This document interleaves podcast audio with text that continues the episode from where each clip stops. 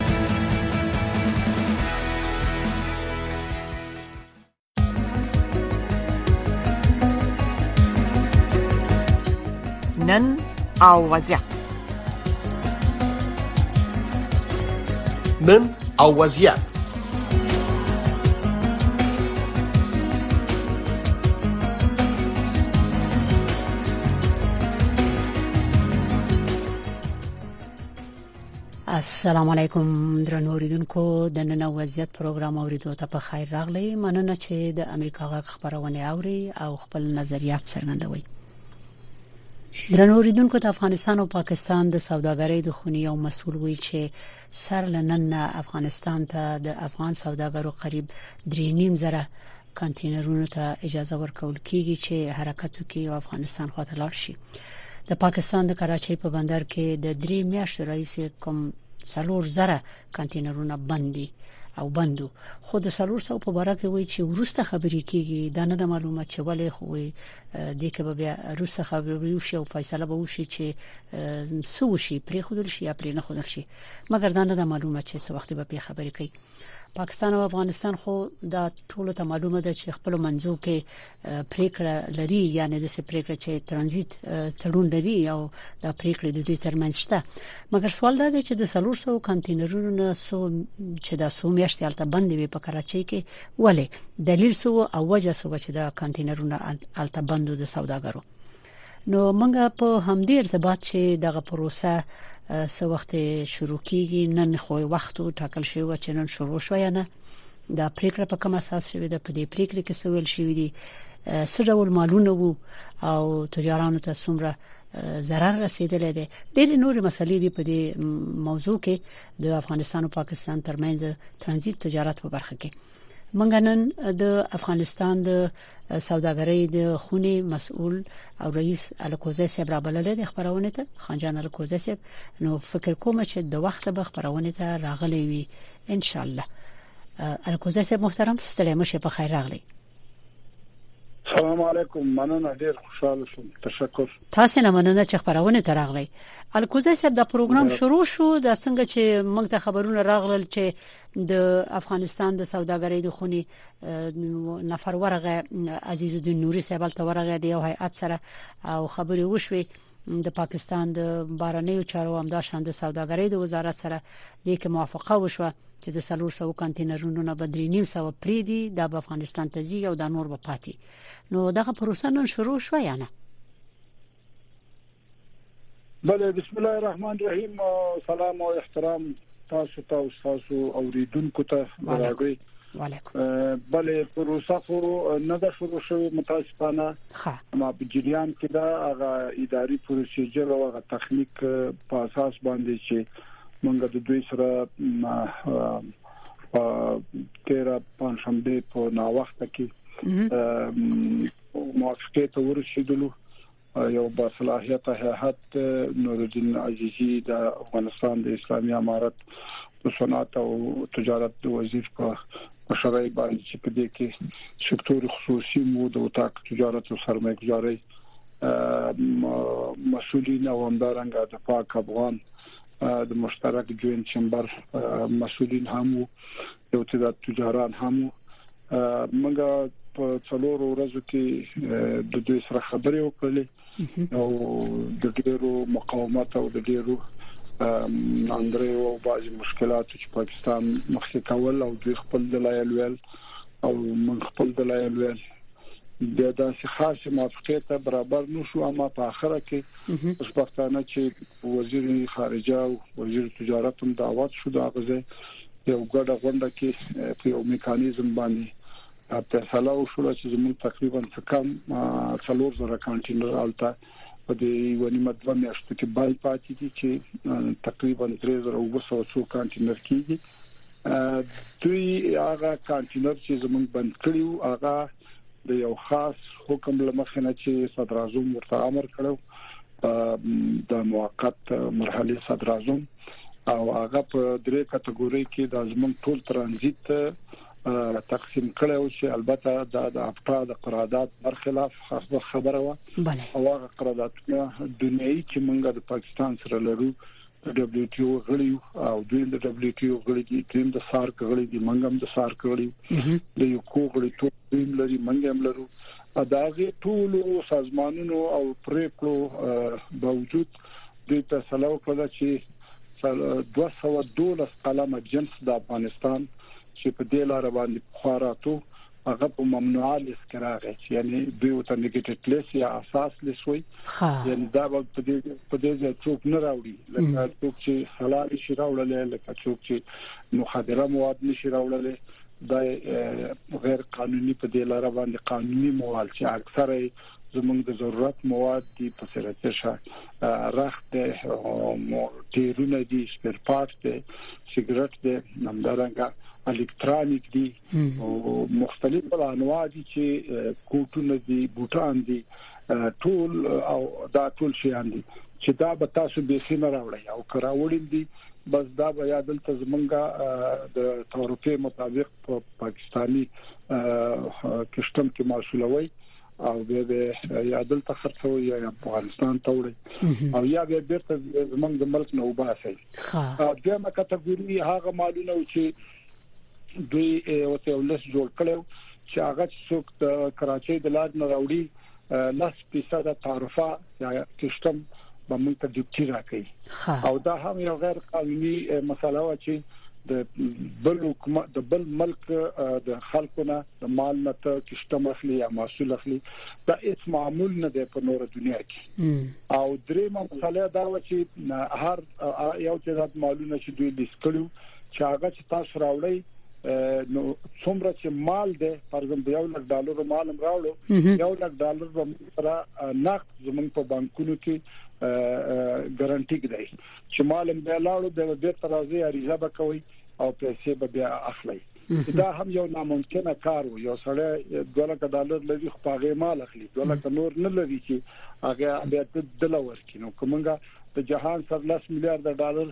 تجارت کوو 10 میلیارډ به دوی تک دنه دا هم ناممکنه و نو معلومه ودرېدل نو اوس په دغه فیصله کې هغه ولا کټګوري چې هغه مالونه چې دوی ممنوع کړی دي یعنی دوی اساس لسو نګټیټ لیست کې راوستل دي هغه 212 قلمه دا تقریبا وسپیلن په دغه کانټینرو کې څه کم 300 کانټینر دي نو دا به دا به ولاړی او په دې به بیا روسته باس کیږي وسوي دا ویل چې تاسو بیرته وړل شي او هغه وړل ډیر سخت میکانیزم غواړي مونږ یې چیرته ویشو یعنی کوم ځینې چې راوړي دي کوم ځینې چې اخستي دي هغه ملک ته به بیرته وړي یا د بل لار نه به افغانستان ته وړي څنګه د با خو بس د بل لارې نه امړل شي او هغه ملک ته امړل شي دوی خدا سي وای دا خو نوې برخورد په تجارت کې په تجارت ټي او د دبليو ټي او د قانون لمخې نه یو تعداد هغه مواد مالونه دي چې اوس فرض کمپنۍ ته ما مال فرمایش ورکړ کمپنۍ غلط مال راولي کو نو دا به بیرته واپس کیږي خو کمپنۍ به به مصرف وکړي او کدا اوس د یو نوې مسله ده چې نه کمپنۍ پکې مسوله ده نه پکې تجار مسول ده نو د دې مجرای به څوک ورکي دې ته به بیرته په کشته کې د اتک څوک ورکي یا به بل بندر ته څنګه وباسي دا خو یو ځل شو شوې ده خو په هر صورت دا یو ډیره جدي او تخنیکی ستونزه ده پاینده کې باید په باسو شي دغه متفاقی دوه کټګوري چې تقریبا درې زره کانټینر په اندازه باندې کېدل دې ته اوس فعلا په دغه نوي راهنمود کې یا په نوي موافقه کې اجازه ورکړل شو چې دا به د یو خاص میکانیزم لمخنه افغانستان ته زیات دینه به دغه نوي یا ګارانټي یا فرزن محصول چې نه غستل کیږي په پخوانی لحاظ باندې با بانکي او همدارنګه د بیمه د دوی ضمانت کوي او دا به باري دي زیبا او د یو خاص امنیتي دغه د کانوایي په شکل یا د قطار په شکل به د سره امنیتي قوتونه چې دا افغانستان ته ویسي نو دوی اوس په دغه امریکایي هغه فیصله خو شو اما دوی اوس په هغه ادارې مربوطه ادارې د کشتم او د وزارت تجارت په دې باندې کار کوي چې څه رقم میکانیزم دې تر او باسي دا مالونه د دوی د تشويش لمخې نه چې په پاکستان کې کته نشي دا باید افغانستان ته لاړ شي دا میکانیزم نن هم جوړ نشو او موږ خواهش کوو چې ډیر زر جوړ شي دا میکانیزم او عملی شي ما تر اوسه پورې لا معلوم نه دی چې څه وخت عملی کوي ښه یعنی فیصله شوې ده خو تر څو چې دوی بیخي عملی لارې وسنجي اعلان وشي بیا به دا غینه ډالرې روانيږي افغانستان ته وځي دا سوداګر به خپل مالونه وړي ښه اوس خبره ده ده چې اوس خبره ده ده چې په داسې یو وخت کې په پا پاکستان کې اقتصاد خراب درست امنیتي مشکلات ورته مطرح دي ولس ګوري څومره مظاهره وکړلې چې لوګه د قحطي ده او قیمتي ده په داسې یو وخت کې دوی د افغانستان سره په تجارت کې هغه په ترانزیت کې دغه یو مشکل خلقوي ولې دغه مقصد څه دی دی ولې دغه مشکل خلق ګوره بیرته فیصله وکړه اجازه ورکړه چې ګارانټیم نه غواړو او لس فیصد ګمرکي مسول هم نه غواړو مګر مشکل خلق دوه میاشتې دوه نیمه میاشتې دغه موټر دلته ولاړ دي او افغان سوداګر ته به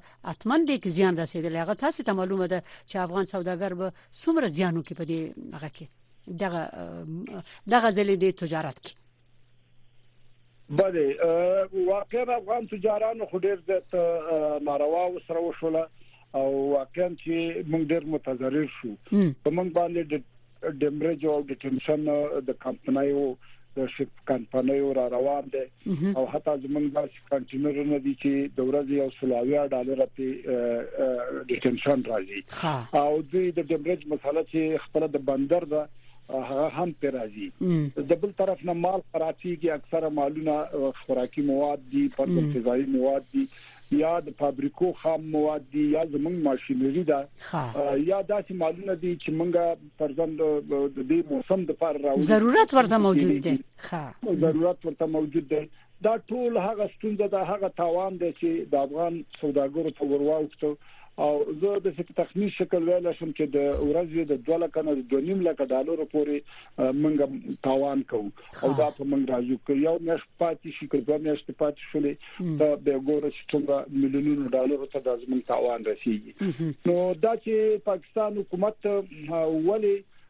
د ټولو قراردادونو سره سره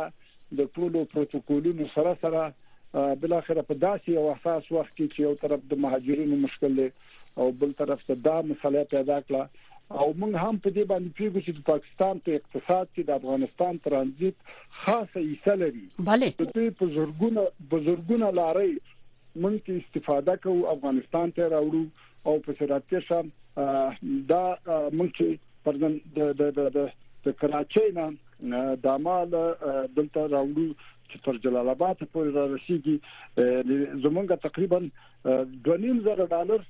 دوی ته موږ خرچه او دغه ورکو په پی کانټینر باندې یعنی د دوی په خپل موټرو کې په خپل کانټینرو کې چې راځي د غیر جلال آباد ته پورې په هر لارې 2.5 زره ډالر ورکوي بله 2.5 زره ډالر یعنی دا د دوی خدمات او کرایه او بل اخره خدا 2.5 زره دا 2.5 زره تاسو په 3.5 زره کې ضرب کې وګورئ چې څومره شو دوی خپل څومره نقص وکړه او بل پلو د افغانستان سره د طالبانو سره نیک روابط ساتو باثبات افغانستان غواړو او په دغه سی وخت کې چې خپل اقتصاد خراب انتخابات را روان دي څومره سیاسي او امنیتي مسلې دي دوی دغه سی یو مشکل افغانستان ته خلق او بل پلوي د مهاجرو مسله وګوره چې په مهاجرو باندې فشار راوسته اوس د بیرته دلته راځم چې یو ځکه ما دا ولوسل چې د پاکستان د بهرنیو چارو وزارت وی چې د دسې لارې چارې لټوي چې د افغان ترانزیت سوداګرۍ په برخه کې خنډونه لري کی دوی خدای خبره کړي وای دوی یو لس برابر کړي د لکه څنګه چې تاسو ویلي وای هغه مالونه چې راځي د افغانستان د پاکستان وړل کیږي افغانستان ته بیا د افغانستان بیر تر وړل کیږي پاکستان ته قاچاق په دې خاطر وې زموږ اقتصاد خراب شوی موږ د دې مخه نیسو دغه څومره واقعیت لري تاسو په نظر زه د یو افغان تاجر په حیث د یو افغان باشنده په حیث بله او د پاکستان سره چې کلونه کلونه پاکستان کې کاروبار کړی دی تلې ما او د پاکستان خلک زمونږ ورونه دي د پاکستان ولس د پاکستان خلکو مون سره ډېر زحمتونه تیر کړی دي او زه دا په ښکارا تاسو د راډیو نه دا اعلان کوم چې دا یو بانه ده او د دې بانه هغه بانه ده چې چې چې چې وای زمره برناستو او دغه کوزه ناستو په او فقط وبخړول دي و زه تاسو ته وایم چې دغه څه بارډر چې ده دا ټول دا بارډر د دوی د پاوز د طرف نه اداره کیږي یو ځکه بدون د تورخم نه او بدون د مربوطه ځایونو نه چې موږ سره بارډر لرو یا صفری نقطې لرو تراسن پیټونو سره لرو دا غینه چې څوک په پاسپورت باندې یو ډرایور بدون د پاسپورت نشي تیرېدلې نو دا به د زورګونو موټر څنګه بنګاړو ښه په خوا شل کاله مخکې 15 کاله مخکې دا مسله وا چې دلته ایجنسۍ وي او دوی د ایجنسۍ قانون د منځه ویوړو منګه مالونه ایجنسۍ وتوړل د ایجنسۍ خلک راتلل او زمنګ مالونه موږ نه غستل به چې دوی پنجاب توړل ارچې توړل هغه د دوی کار هغه کار اوس کاملا بند شوی دی دویمه خبره دا ده چې دوی د دې ادعا کوي چې دا مال چې راشي د افغانستان په نامه باندې زمونږ افسران او تاسو تاجرانو سره شریکيږي دا په کراچۍ کې پاتې کیږي مسول کیږي نه او د ترانزیت په نامه راوځي او بیا بیرته په لاور او دې ځایونو کې موټر کیږي زه د دې تخنیک د فار تاسو ته ویل شم چې زمونږ یو کانټینر چې راځي دغه کانټینر منګه خپل موټر ول نه شو نیولای دوی وته بانکری دی ویل چې هغه نیمه دولتي اداره ده خصوصي سکتور او د دوی څخه ثبت راجستر ده هغه د دې مسولیت اخلي چې زه به دا کانټینر تورخم ته رسوم تر هغه وخت پورې مونږ کرایه نشو ورکولای چې دا تورخم ته لري رسیدلې دا یو ثبوت دویمه دا ده چې په ټرک باندې ټرک اندویز یو مخصوص آله نسپیږي په هغه آله کې چې دا موټر په یو ځای کې وران شي یا تیلو ته ودرېږي د مرکز د کراچۍ نه ورته غږ کوي چې ولې ولاړې ولې ولته په ټي وي کې یې په ټلویزیون کې یې تر څو چې دا بارډر کراس کی نو په دې صورت کې به یو غټ موټر دا خو څه یو کاټن نه دی څه خو یو معنا نه ده چې سړی په بډه کې سړی په یو ځای کې واچي نو دا به څنګه ښکته کیږي بل خبره دا ده چې زمونږ د مالونه په انشورنس باندې راځي په انشورنس کې موږ الته بیمه ته پیسې ورکو تر څو چې زمونږ مال هغه ته نه ورسته شوی هغه بیمه زمونږ نه هغه پیسې هغه پیسې زمونږ د بیمه د بانک سره پرتی به روسته مونږ لرا کوي نو بنان په دغه یو صورت کې چې موټرم د دې سرکم د دې پولیسم د دې ټراکینګ ډرایزم د دې عالم د دې الکترونیکم د دې او بل اخر د مال په پلاور او په پیښور کې خطه کیږي نو دې کې به د افغان تجار څه ګناه وي که دا یوه بانه وي، خو دا بانه خو وشوله چې موږ ولیدله، اوس به سبا د د د د د ترکمنستان نه موټرې راځي او او او پخته وړي او ګاز وړي یا د ازبکستان نه راځي او زمونږ په لاره تیریږي، نو موږ به سبا ورته ویو چې نه ستا دا موټر دلته ښکته کیږي او زمونږ سره قاچاق کوي خو دا زما د پولیسو وظیفه ده دا زما د د د د د کشتم وظیفه ده چې دغه غیر قانوني کارونه مخه ونیول شي بنان دا یو بانه د خوري په هیڅ صورت افغان تجار الته کانټینر نشي ښکته کولای چې د د د د پاوز سره نه د پولیس ور سره نه او په خام چې د مالونو په قچرو او خانو تل په څوبي کې به زمونږ موټر وخان او قچري چې وتللي الته به د دوی پوځیان ولاړو هغه پوځیانو به دوی لیدل نو کو دوی غوښتلې چې خپل پیسې ته ناغستل او دوی غوښتل چې دا مال ودرې خو ودرولې شو بنان دا قاچاق یو بانه ده او رالم په دې کې چې د یو کارټن او نیم کارټن قاچاق خو د مکسیکو او امریکا په منځ کې کیږي د کاناډا او مکسیکو دغه د اروپا د نورو هوادونو په منځ کې کیږي نو دنام دغه قاچاق او سمګلینګ چې ده دا غلط دی او کدی ته خاتمه ورنکي په دې منطقه کې چې کم ترانزیتي اصول دی هغه ټول د فونه لاندې کیږي اسلامي امارت مجبور مکلف دی چې هغه هم تدابیر ونیسي او موږ مجبور یو چې دا لار خوشو کو په بل لار راشو نو کله چې د طالبانو د حکومت د صنعت او سوداګرۍ د وزارت سرپرست نورالدین عزیزی صاحب ورغه الته د جلیل عباس جیلانی سره اسلام آباد کې خبرې وکړي ورته ویل کنه چې تنه وغوښتل چې دا هغه د موټرې د افغان سوداګرو د پریده چې دوی د خپل مالونه افغانستان ته ویسي دا سید چې اوس دوی خبرې وکړلې پریکړه وشو یو سلاره پریدي نور کبه بیرسته غږیږي او تاسو دغه ټول شرایط تشریح کړل او سوال ډیرو خلکو سره دا دی چې زه د څه شکم کوي چې امکان لري ځنې نور لاري وي د افغانستان او پاکستان ترمنځ د پوله چې ده چې د 2000 نه زیاته کیلومتر لار ده چې دې ځایو کې به ځنې لاري چې امکان لري د بقاچاق بیرته راوړي افغانستان ته د دې امکان شته یا نه په نورو لارو یاره زه خو چې زه خو چې خپل د کونړ ما د مشرقي او په ټوله پکتیا کې او په هلمند کې مې وظیفه اجرا کړې ده په دغه بارډر په دغه لاند باندې چې زه بلد یم د دې نه په غیر چې یو څه په د هلمند په یو ساحه کې چې الته یو ځای دی چې په باج قاچاقبرانو به ایران او دغه تکول هغه هم وکړک د طالبانو د کنټرول لاندې دي امارات الته خپل د پورت کړی دی او نور داسې یو ځای یعنی منګه په کونړ کې نو واپس لرو بند دی په الته په پرزن په باجوړ باندې لار لرو هغه بند دی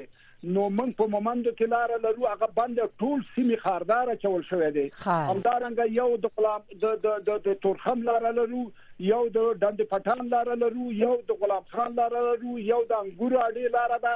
او یو د چمن لار ده موږ رسمي بارډر په زابل کې په یو منطقه کې د دوی سره سرحد لرو هغه کې اوس هم د امارت اسلامي او د دوی نفر ولال دي په غیبه تجارت نه کیږي نور شي نه کیږي او په هلمند کې هم دغه شان نو نور لارې خو زندې نه مخه یعنی دغه ادعا هم بالکل صحیح نه ده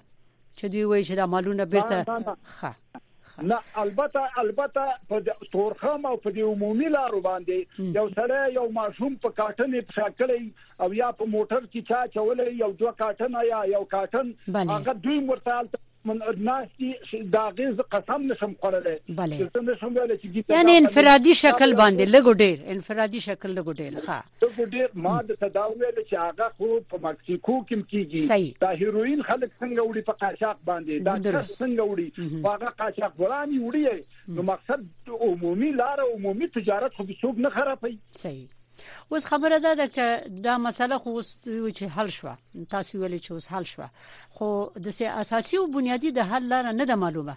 د دغه قضیه چې لار بند تورخم بندر بند کې تجارت بند کې دا مو پرې دی هغه د همیش د دې دوه ملکونو ترمنځ قضیه روانه یا همیش دغه جنجال هغه وی مطرح وی بیا په تړون کې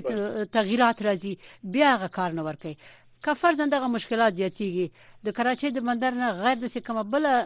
لار شته کوم بدیل شته چې د افغانستان سوداګر وکړي شي خپل تجارت وکړي بله دا چې دا چې منګه خو نور لارې هم لرو څو څو زله ډالر بند شوې ده څو څو زله دا مشکل پیدا شوې ده اواز نه اوري بالکل نشريږي خبره مو مهرباني او بخي او بخي نو څو څو زل دا مسله شوې ده واقعا موږ ډیر زیات ستړي شوي او ډیر پازاب شوي دا چې دوی ولې دا کار کوي زه نه پوهیږم خو ار ار وختي سیاسي مسایل چې زمونږ او د دوی په منځ کې خراب شي امنیتي ستونزې پیدا شي دا لانجه پیدا کیږي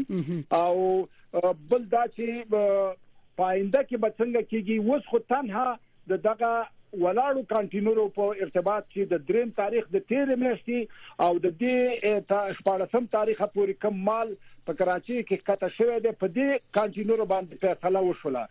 او دوی مونږ ته دا ویل چې مونږ به روسته تاسو سره کینو راځو کابل ته او دې زینو ته راځو تر څو چې یو منظم موافقه ته ونه رسیږو ته تاسو د نور مالونه په دې لار نه راځي او کرازي زمونږ شرایط به دغه شرایط به قبلوي بنا نه زه فکر کوم چې روسته به د شاید خبري وشي خو افغانان ډیر زیات تنګ شوي دي او تاسو ویل چې نور لارې شته دي کې څه نشته چې د کراچۍ لاره موږ د فار ډیره ارزانه لار ده او ډیره نږدې لار ده په بهر کې موږ ته ډیره نږدې لار هم ده ده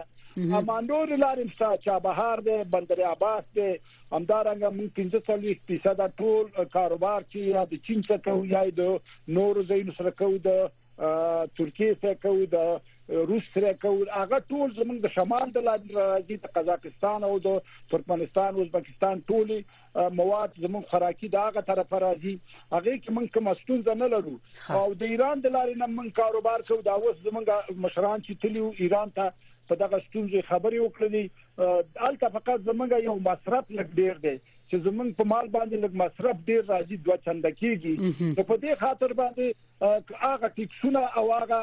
مسایل چې ایرانیان په بندر عباس چا بهار کې کوي هغه موږ لا راکم کی او کرایګان را کم شي زه فکر کوم چې 100% دا امکانات شته چې موږ به د لور لارو نه راشو خو کراوابد د سشي به پاکستان خپل تجارت څنګه کوي د مرکزی اسیا د ملکونو سره یا زه د افغانستان سره روابط خړپړ شو خو دوی هم نقص لري پکې کنه دوی به څه امکانات لري بيتون بيتون د سکمبا من خدا خبره په ډاګه په تجارتي لحاظ ته وکړه زمون دویم چمبر د پاکستانی تجارانو دا خبره دوی ته وکړه چې دا اوس پرځند په بل تیر چې دوی دا کار وکړو افغانستان هم د دوی په په سیموټو باندې تعرفه جګه کړل تقریبا 2.5 زره موټر د دوی ودرېدلې د خالد سیمټو او دوی خو موږ سره د افغانستان سره دوی د کال په یو نیم میلیارډ شاوخوا چې تجارت لري دا تجارت هم د داخلي تجارت هم د خطر سره مخامخ کیږي موږ هم د دوی سره تجارت لرو او زمونږ هغه په خطر کې کیږي او بل دوی ترانزیت کوي ترانزیت د مرکزی اسیا څخه کوي پرځن ترکمنستان نه غاز راوړي تیل راوړي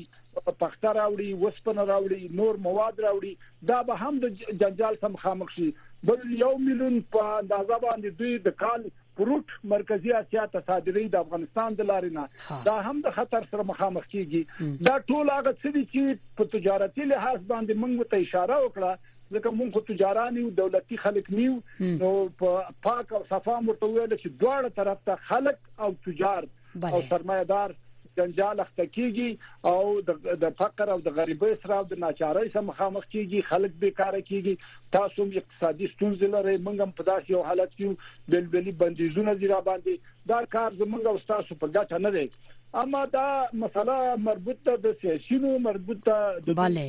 د مسولینو چې سره کم برخورد کوي فکر کوي دا د سیاسي انګزام لري دا د پاکستان دغه وضعیت زه نه پوهیږم چې سیاسي به یا به نه خو هغه خو په سیاست کې موږ دومره ډیر دغه نیو خو اقتصادي هیڅ دغه نه لري یعنی اقتصادي هیڅ بانا نه راځي اقتصادي کم د دې طرفه کم مشکل دوی ته نه دی ایجاد شوی چې دوی دا مشکل ایجاد کړي یعنی د امارات د طرفه نه کم خاص مشکل د دوی ترانزیت ته د دوی تجارت ته هیڅ نه دی ایجاد شوی حتی د دوی د دوی د تعرفې نه زموږ تعرفه ټیټه ده